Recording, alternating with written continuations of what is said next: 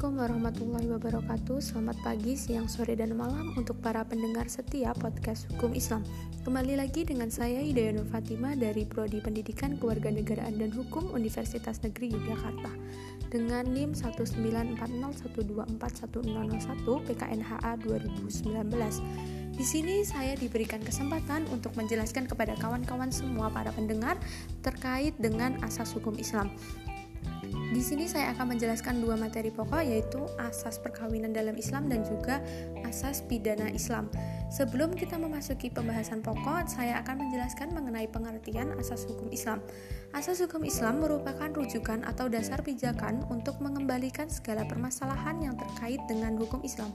Asas hukum Islam dapat ditemukan dari kedua sumber pokok hukum Islam yakni Al-Qur'an dan As-Sunnah yang kemudian diperkuat dengan ijma para ulama. Kemudian memasuki pembahasan pokok pertama yaitu asas perkawinan dalam Islam.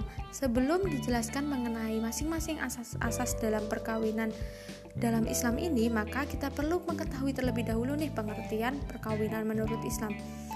Perkawinan menurut Islam merupakan suatu akad atau perjanjian yang diwujudkan dengan ijab dan kobul yang dapat menghalalkan pergaulan antara seorang laki-laki dan seorang perempuan sebagai suami istri dalam rangka mewujudkan kehidupan keluarga yang bahagia yang taat kepada Allah Subhanahu wa taala untuk mencapai keridhoannya.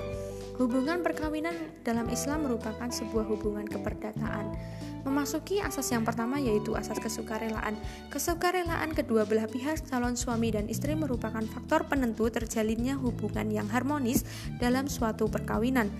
Asas kedua yaitu asas persetujuan kedua belah pihak dalam perkawinan tidak boleh terjadi adanya pemaksaan dari salah satu pihak kepada pihak yang lain.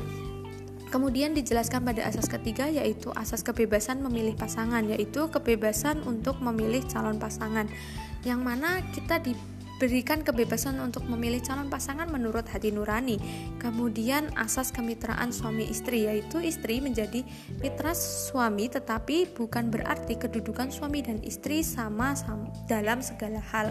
Kemudian asas kelima yaitu asas untuk selama-lamanya yaitu perkawinan dalam Islam dilangsungkan atau di selenggarakan untuk mendapatkan keturunan dan membina cinta dan kasih selama hidup.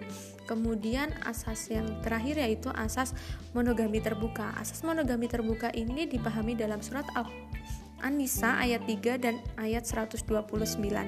Dalam ayat 3 dijelaskan bahwa seorang laki-laki muslim boleh beristri lebih dari seorang dengan syarat mampu berlaku adil terhadap semua istrinya dan jika tidak mampu berbuat adil dia harus beristri seorang saja.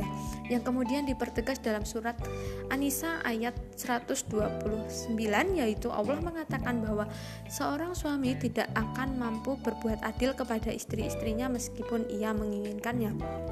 Ya, kemudian memasuki pembahasan kedua mengenai asas-asas hukum pidana Islam. Ya, hukum pidana Islam merupakan bagian yang yang sangat penting.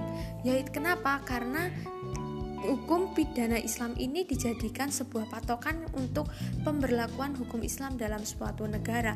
Asas hukum pidana Islam ini dijelaskan sebagai berikut, yaitu ada asas legalitas. Asas legalitas merupakan asas yang menyatakan bahwa tidak ada pelanggaran atau tidak ada hukuman sebelum adanya undang-undang yang mengaturnya, yang kemudian dipertegas dalam Al-Qur'an di dalam surat Al-Isra ayat 15. Kemudian Asas selanjutnya yaitu asas larangan memindahkan kesalahan kepada orang lain, yaitu asas ini berarti bahwa seseorang tidak bisa memindahkan kesalahan yang diperbuatnya kepada orang lain yang tidak melakukan adanya asas tersebut.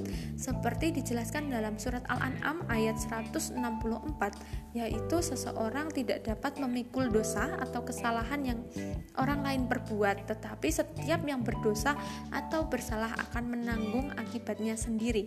Kemudian asas yang terakhir yaitu asas praduga tidak bersalah, yaitu seseorang yang didakwa melakukan suatu tindak pidana harus dianggap tidak bersalah sebelum hakim menyatakan ia bersalah berdasarkan bukti-bukti yang ada. Ya, mungkin segitu saja penjelasan saya terkait dengan asas-asas hukum Islam. Semoga teman-teman dan para pendengar lainnya memahami atas penjelasan saya. Saya Hidayah Fatimah undur diri. Wassalamualaikum warahmatullahi wabarakatuh. Terima kasih.